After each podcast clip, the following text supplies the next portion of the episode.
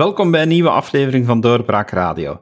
Mijn gast nu is Sam van Rooij. U kent hem wel van Vlaams Belang. Hij is al meerdere keren te gast geweest in onze podcast en we zijn blij om hem terug te mogen verwelkomen. Welkom Sam. Dank u David.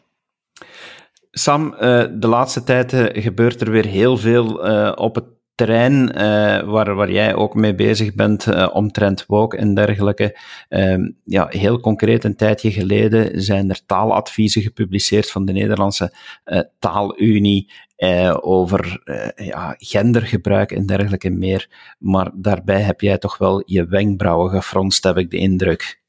Ja, dat klopt. Dus de Nederlandse Taalunie, hè, waar we toch als uh, ja, taalminnende Vlamingen en ook Nederlanders uh, trots op zijn, of zouden moeten zijn, of zouden moeten kunnen zijn. Die hebben dus een, uh, een advies gelanceerd, een hele tekst met adviezen voor wat ze noemen genderbewust taalgebruik. En dat is dan, ja, de meeste mensen, de meeste normale mensen, die zullen zich direct afvragen, ja, wat is dat dan? Mensen zijn daar natuurlijk volkomen terecht niet mee bezig, maar dat is dus taalgebruik uh, waarin ook naast mannen en vrouwen uh, zogenaamde non-binaire personen zich kunnen herkennen. Uh, ik citeer nu, hè, dat is, ik citeer de taalunie, waarin niemand uitgesloten wordt en waarin niet één gender of sekse dominant is. Hè. Al dus, dus die adviezen van de taalunie.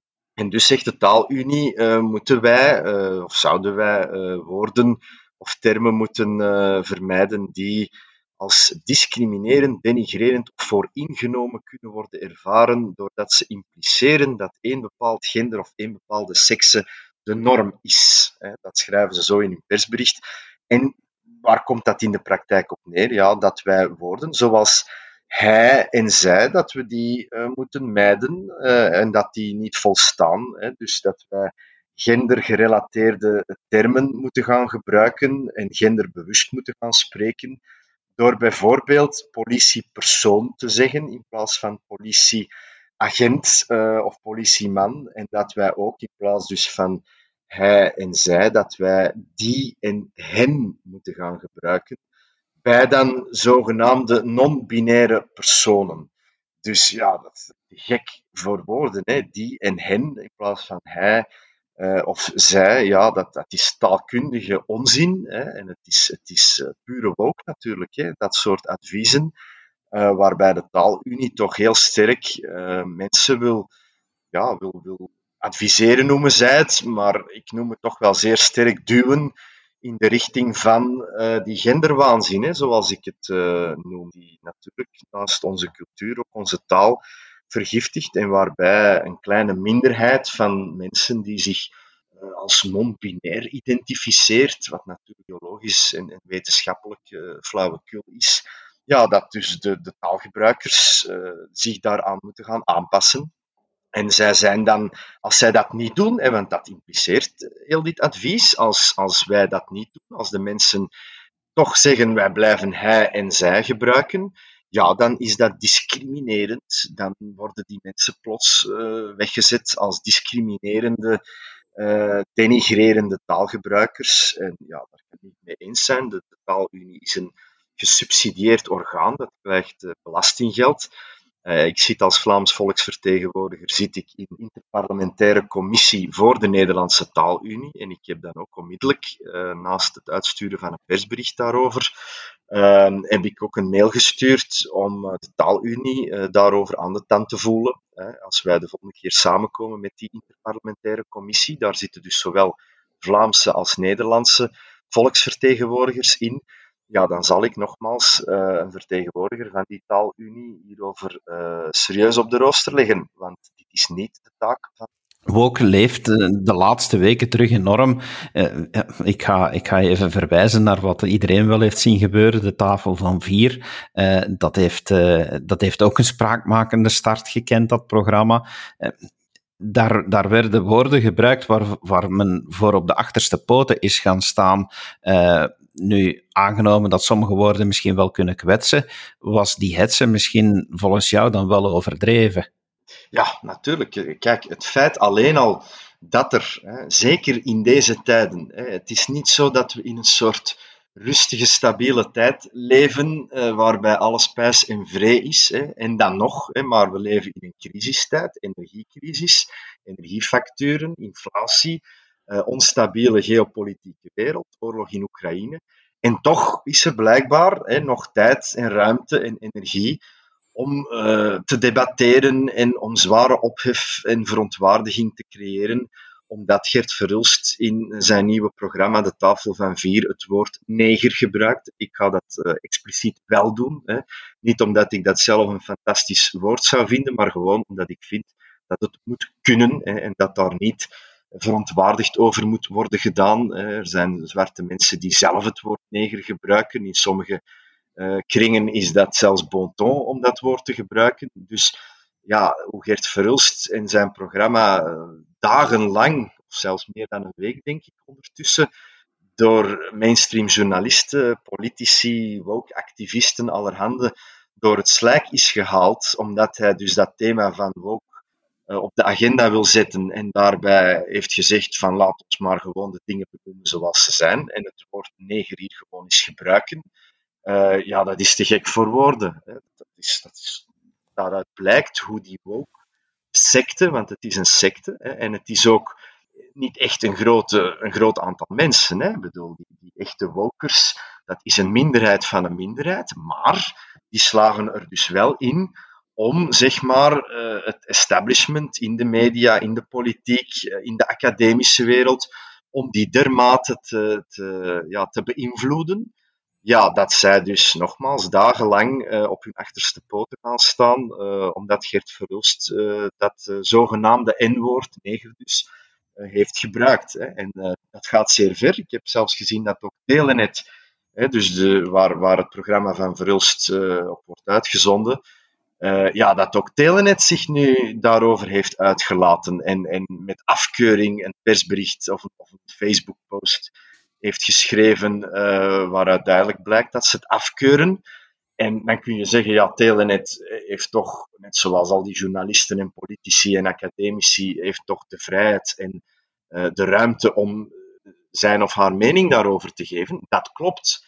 Maar natuurlijk is dat een soort subtiele, hoe zal ik het zeggen, ja, is toch subtiele tirannie en een, en een niet mis te verstaande boodschap aan Geert Verhulst en aan de mensen die in zijn programma zitten van doe dit geen tweede keer. Dit is een waarschuwing. Dit is dus eigenlijk subtiele tirannie die leidt tot, of die zal leiden uh, tot zelfcensuur. Daar kan je van aan. En uh, ja, in dat soort samenleving, een soort uh, neo-DDR, ja, wil ik niet leven. Daar verzet ik mij tegen.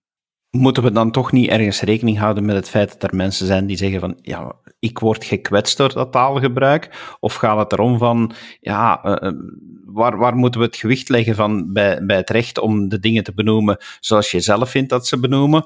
Of bij het feit dat sommige mensen zeggen, en al is het misschien een minderheid, oké, maar ik vind dit kwetsend.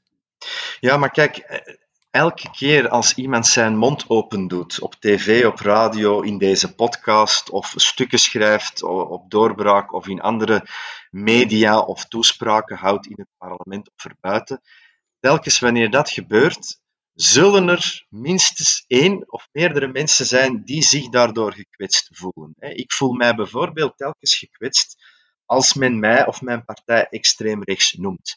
En ik spreek mij daar ook over uit. Ik vind dat een foute term voor mij en mijn partij. Ik vind dat trouwens lasterlijk. Um, maar om daar nu uh, zo tekeer over te gaan dat uh, de vrijheid van meningsuiting in het gedrang komt en dat men dat niet meer kan zeggen, ja, dan gaat het natuurlijk veel te ver. En dat is wat die wokers wat die uiteindelijk willen. Hè. Die willen anderen de mond snoeren. Die willen de vrijheid van meningsuiting nog verder inperken dan ze al ingeperkt is. Hè. En als dat niet kan via hun hysterische, uh, activistische praatjes en stukken en, en um, ja, uh, acties, ja, dan zullen ze dat via juridische weg proberen te doen, door klachten in te dienen enzovoort. Ja, en dat soort samenleving, daar moeten we uh, absoluut van wegblijven. Wij leven in een vrije samenleving waar de vrijheid van meningsuiting, wat mij betreft althans, bijna absoluut moet zijn bijna, daarmee bedoel ik, uitgezonderd het expliciet oproepen. En voor de rest moet men alles kunnen zeggen zonder daarvoor te worden weggezet als een halve nazi of een crimineel of een fascist. En zonder dat men eigenlijk ja, dusdanig wordt geïntimideerd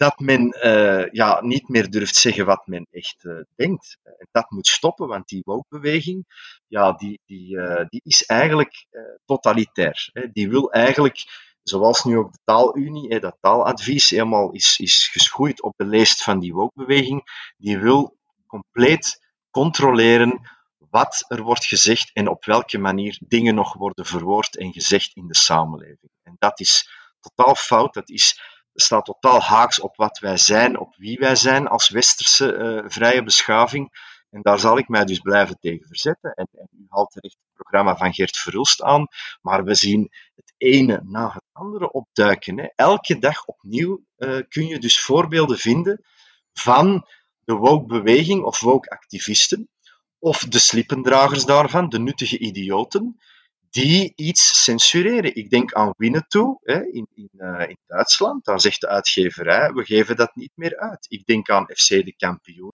Daar worden gewoon door de VRT nu 16 afleveringen van gecensureerd. En telkens opnieuw is dat hetzelfde mechanisme.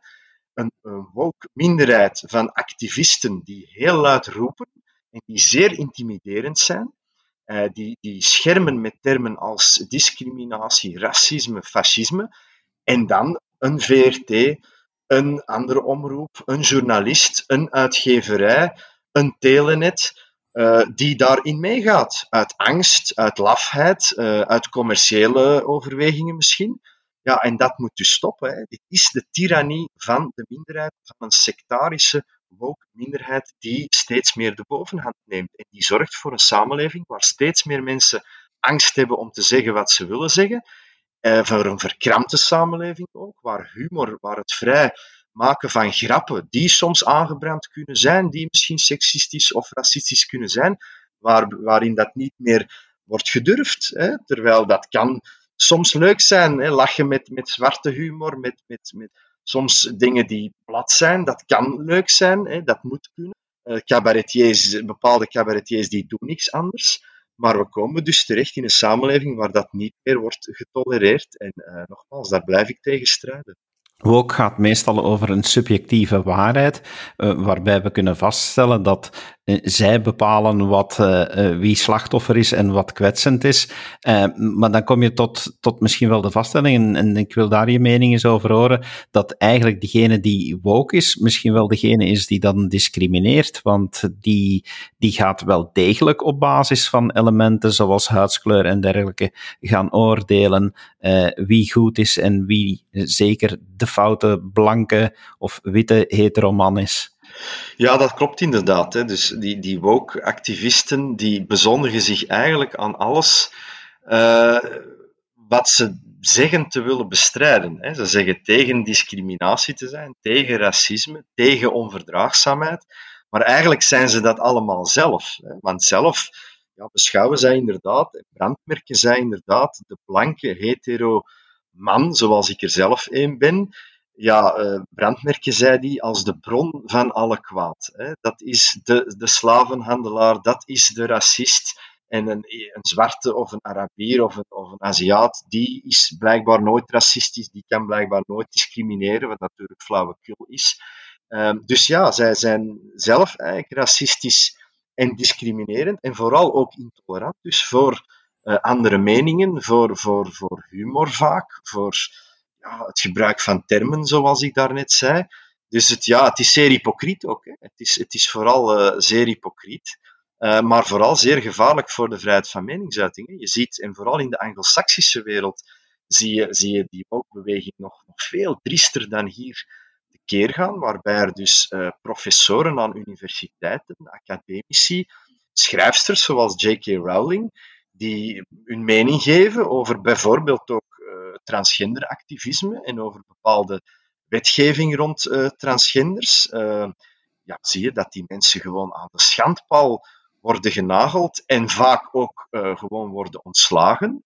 Hè, bijvoorbeeld aan de universiteit of worden geschorst.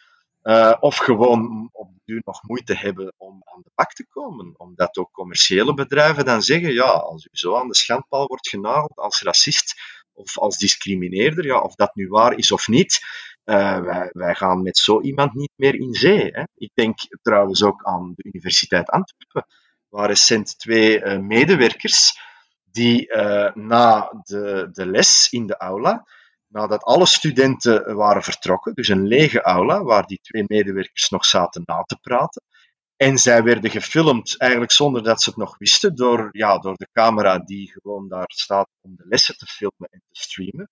En die een zeer, uh, een zeer normaal, gewoon gesprek hadden waarin ze hun zorgen uiten over de gebrekkige uh, taalkennis van uh, studenten, met name van een Marokkaanse achtergrond ja, die werden dus nadat dat gesprek dan ook illegaal online was gezet door een of andere student, werden zij aan de schandpaal genageld. Uh, ze waren racisten, ze waren fascisten.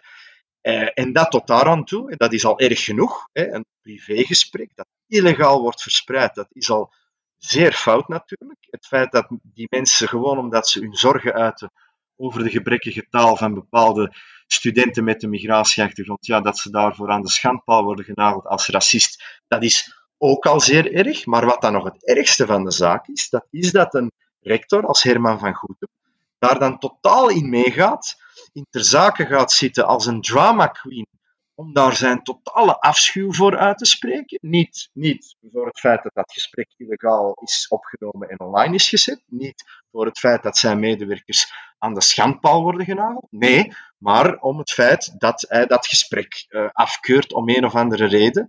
En wat uh, doet hij dan? Hij heeft die twee medewerkers voor onbepaalde duur geschorst. Voor onbepaalde duur. Hè. Je kan je nagaan hè, wat voor een impact dat op die mensen moet hebben op hun, op hun uh, persoonlijke leven, op hun gezin, op hun carrière. Um, en moeten zij uh, een traject gaan volgen om opnieuw, ja, hoe werd het nu weer geformuleerd door hem, om opnieuw uh, ja, te kunnen integreren zeg maar, in de universiteit. Ja, het is te gek voor woorden. Hè? Het doet echt denken aan heropvoedingskampen, waar mensen die de verkeerde, tussen aanhalingstekens, mening hebben, hè, een politiek incorrecte uitspraak doen, waarbij zij aan de schandpaal worden genageld, hun eh, job dreigen te verliezen en dus in een heropvoedingstraject worden gestoken, dat zij dan verplicht moeten volgen om uiteindelijk terug te mogen werken, in dit geval aan de universiteit. Ja, het zijn, het zijn uh, bizarre uh, tijden, het zijn, het zijn verwerpelijke, totalitaire tijden en je ziet dat, dat ja, iedereen, alleen niet iedereen, maar toch veel mensen ja, uh, ten prooi vallen aan wat ik dan de totalitaire verleiding noem. Hè. Ik kan dat niet anders verwoorden. Um, ook dus steeds meer hier in Vlaanderen. En hoe vind je dat, uh, dat we er dan moeten tegen reageren? Is dat een taak waar de overheid ook moet voor alert zijn om daartegen in te gaan en, en die vrijheid van meningsuiting veel beter te gaan bewaken? Ja, absoluut natuurlijk. Hè. Zeker wanneer het gaat over, over, kijk, als we het over Telenet hebben, ja, dat gaat natuurlijk over een privébedrijf. Hè. Dus dat, dat is natuurlijk wat de overheid betreft, uh, laten we zeggen, moeilijk. Hè. Al staat het elke minister natuurlijk vrij om daar een uitspraak over te doen. En dat kan natuurlijk al impact hebben als een minister of een volksvertegenwoordiger zoals ik zelf uh, daarover tweet en daarover zijn afkeuring uh, laat blijken. Hè. Maar als we het hebben over een universiteit, ja, dan wordt het natuurlijk al een ander verhaal. Want dat is een instelling die met overheidsgeld, met belastinggeld wordt betaald. En dus heb ik bijvoorbeeld in dit geval, ik ben volksvertegenwoordiger, heb ik in het geval van uh, die Universiteit Antwerpen en die schorsing van die twee medewerkers, heb ik uh, minister Somers, de minister van uh, gelijke kansen, ondervraagd. Uh, mijn collega Christophe Slagmulder in het Vlaams parlement heeft minister eh, Ben Wijts van Onderwijs daarover ondervraagd, om toch tenminste die ministers ertoe te bewegen dat ze hun afkeuring daarover laten blijken en om hen ook te proberen ertoe te bewegen om actie te ondernemen. Hè. Uh, al is dat ook niet simpel natuurlijk, want die universiteiten ja, die zijn zeer autonoom. Hè. Daar, daar, die doen eigenlijk in grote mate, uh, die maken eigenlijk in grote mate hun eigen uh, onderwijsbeleid. Die Herman van Goetem, die, die voert halal voedsel in op zijn school. Die, die verklaart dat de aulas te wit zijn. Hè. Kan je nagaan, te wit. Dat is dus gewoon anti-blank racisme. Hè. Stel je voor dat hij zou zeggen, de aulas die zijn nu wel te bruin of die zijn te zwart. Hè. De wereld zou op zijn kop staan en er zou racisme worden geschreven, maar dat moet blijkbaar allemaal kunnen.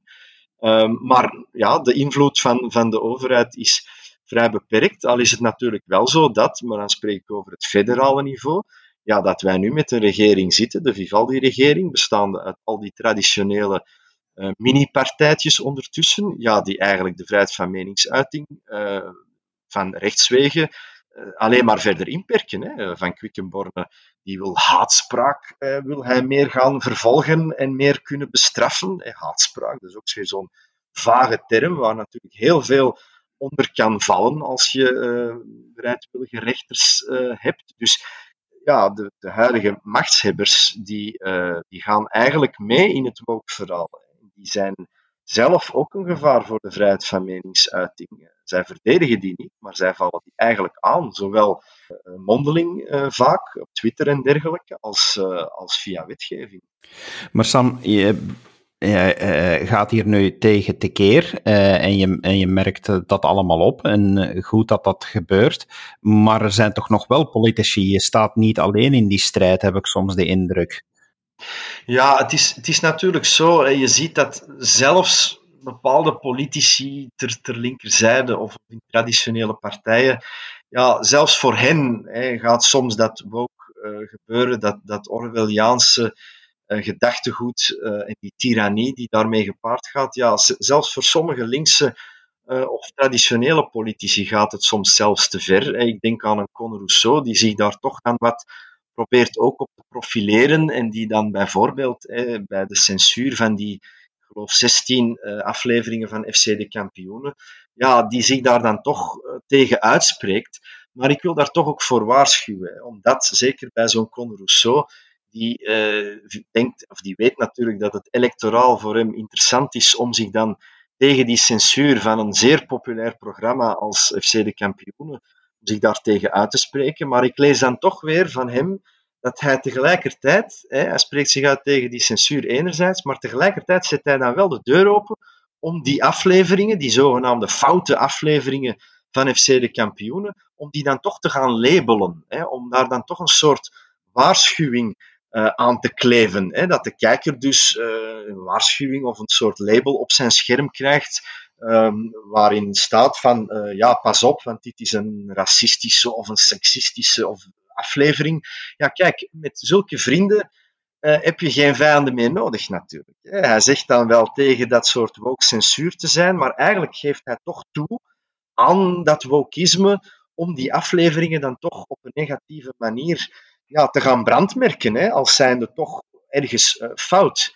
Uh, en ja, daar toch mijn waarschuwing van leg de lat hoog genoeg, wees niet te snel tevreden en geef geen millimeter toe aan dat wokisme en aan die woke-activisme. Dus uiteraard geen censuur, maar ook geen labels, geen waarschuwingen, niets van dat alles. En dat vind je natuurlijk, die consequentie uh, vind je natuurlijk alleen bij het Vlaams Belang en niet bij uh, die, die traditionele partijen. Sam, dankjewel voor je tijd om dat allemaal even toe te lichten in deze podcast en te wijzen op de gevaren die er zijn. En u, beste luisteraar, dank wel dat u geluisterd hebt. U merkt, we blijven volgen wat er leeft en we brengen het nieuws rechtstreeks bij u. Dus heel graag tot de volgende podcast. Dit was een episode van Doorbraak Radio, de podcast van doorbraak.be.